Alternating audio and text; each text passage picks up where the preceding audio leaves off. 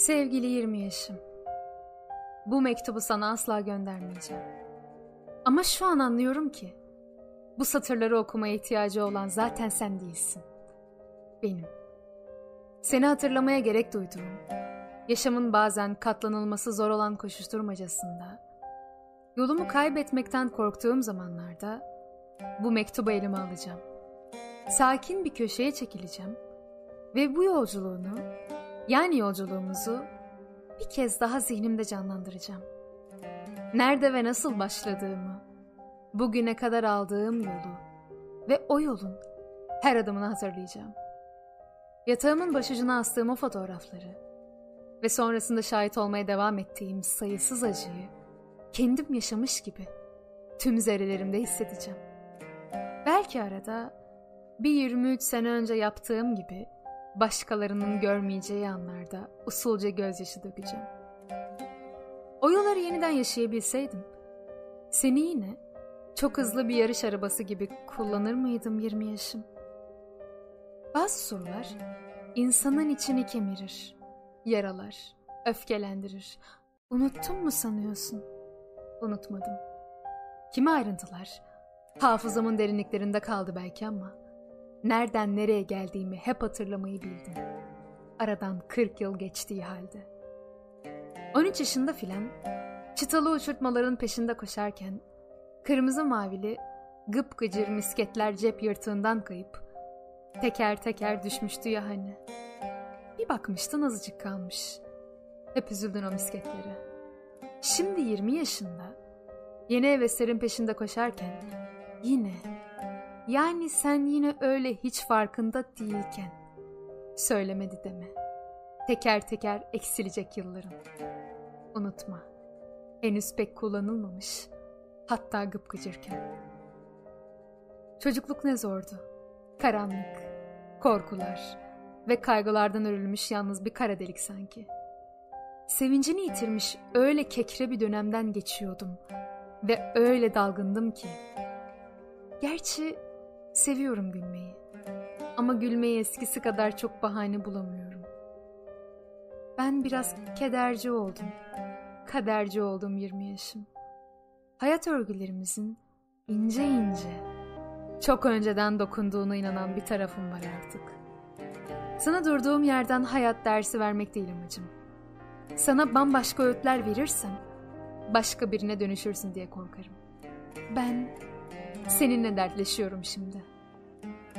Yüreğinin doymaz sesini dinle diyemem. Yürek çok seslidir.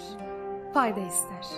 Her ne yaptıysan, kulağını tırmalayacak kadar dikkatini verdiğin, önemsediğin sesi dinlemişsindir.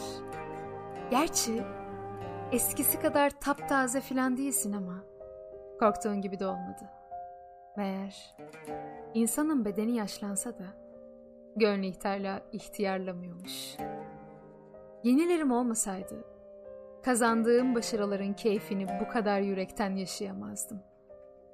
Düş kırıklıklarına uğramamış olsaydım, hayallerimizle aramızda duran engelleri keşfedemez, yol haritamı başka insanlarla paylaşmanın ve rüyalarını gerçeğe dönüştürmelerine yardımcı olmanın hazzını tadamazdım. Travmaların öğrenme merdiveninde basamak olacak maalesef. Yıllar gitgide azalacak ve sandığından daha kısa zamanda o dünyada yaşıyor olacaksın. Bazen deli gibi akan suyun yolunu değiştiren kaya olacaksın. Ama bunlar gözünü korkutmasın. 74 yaşına gelince her şeye rağmen iyi bir hayattı benimkisi diyeceksin. Kimse seni üzmek istemiyor. Herkes kendi yarasını koruma dendinde. Neyse, geçelim. Sevgili 20 yaşım. Bir başkasına gönül rahatlığıyla öneremeyeceğin bir yolu kendinde yürümemeliydin. Sevgili 20 yaşım. Cesaretine hiçbir şeyin, hiç kimsenin kırmasına izin verme.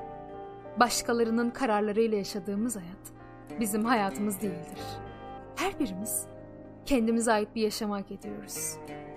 Seçimlerimizle ve neticeleriyle her ne olursa olsun. Geçmişe özlem, zihnin uyumuymuş meğer. Yaralarıma vurgun değilim. Bayıldığım da söylenemez. Her şeyin iyi olduğunu inanmak istedim. Ve kendi hikayemi yazdım. Kendi hikayemi yazmak kötü ihtimallerden daha cazip geliyordu. Gençtim. Ve hayaller hayattan daha inandırıcıydı. 30. yaş mı yalnızca dönüm noktası? Bahmen, korkma, bir şey olmadı. Sapa sağlamsın diyor. Bazen sapa sağlamken de bir şeyler, çok şeyler oluyor. 30'dan çok önce oluyor. Söz gelimi 11'inizdeyken. Bazı şeylerden kurtulmanın imkansız olduğunu artık biliyorum. Boş veriyorum. Bana verilmiş olan ömrümü aynı şekilde mi yaşardım? Hatalarımı yeniden mi yapardım? Mutlaka yapardım. Çünkü insan değişmez. Nazik olmak, haklı olmaktan önemlidir. İnsanların cahillikleri düzeltmek sana düşmez. Eğer cahillikleri seni rahatsız ediyorsa onlardan kaçın. Saçının kıvırcığı hala yerinde. Ama bir şey demeyeyim yine de. Bırakayım biri üç numaraya vurdursun. Aşkı dizelerinden öğrendiğimiz Sezen Aksu, senden sonraki yıllarda yazdığı bir şarkısında acıyor aynı yerden her şeye rağmen dedi. Dinlerken seni düşündüm. Seviyorsun. Gereğinden fazla sevmek diyemem. Sevmek nedir ki? Varlıkları okşamak kutsaldır. Okşayacaksın. Sırtını sıvazlayacaksın. Güzel sözler söyleyeceksin. Ama daha çok kendini görevlendirmektir sevgi. İhtiyaçları gözetmek. İki tas çorba kaynatmak için eline üşenmemek. Gece yarısı koşup derde tasaya yetişmek. Ve beklememek. Silkelemek için hareket etmek. Şimdi ne çok insanı seviyorsun, ne çok insan için dert ediniyor, ne çok yoruyorsun ruhunu, tanımadıkların için bile. Şimdi önemsediğin, hayatına aldığın, merhaba bile dediğin herkesin seni sevmesini istiyorsun. Birkaç yıl sonra herkesin seni, senin de herkesi sevmek zorunda olmadığını ve bunun da hayatını daha kaliteli ve huzurlu kılacağını fark edeceksin. Göreceksin. Onca yaşadığından sonra daha az insanı seveceksin. Ama sevmeyi seçtiklerine daha çok seni seviyorum diyeceksin. Seni seviyorum. Bir pişirme tavsiyesi. Kekin yanmadığından eminsen yanıyor olabilir. Bir şeyin yandığından şüpheleniyorsan büyük olasılıkla yanıyordur. Bu kural mutfağın dışında da geçerlidir. Kimsenin arkasından yüzüne söyleyemeyeceğin bir şey söyleme. Söz kesme. En iyi sohbet karşıdaki kişiden daha az konuştuğun sohbettir. Kör bir bıçak, keskin bir bıçaktan daha tehlikelidir.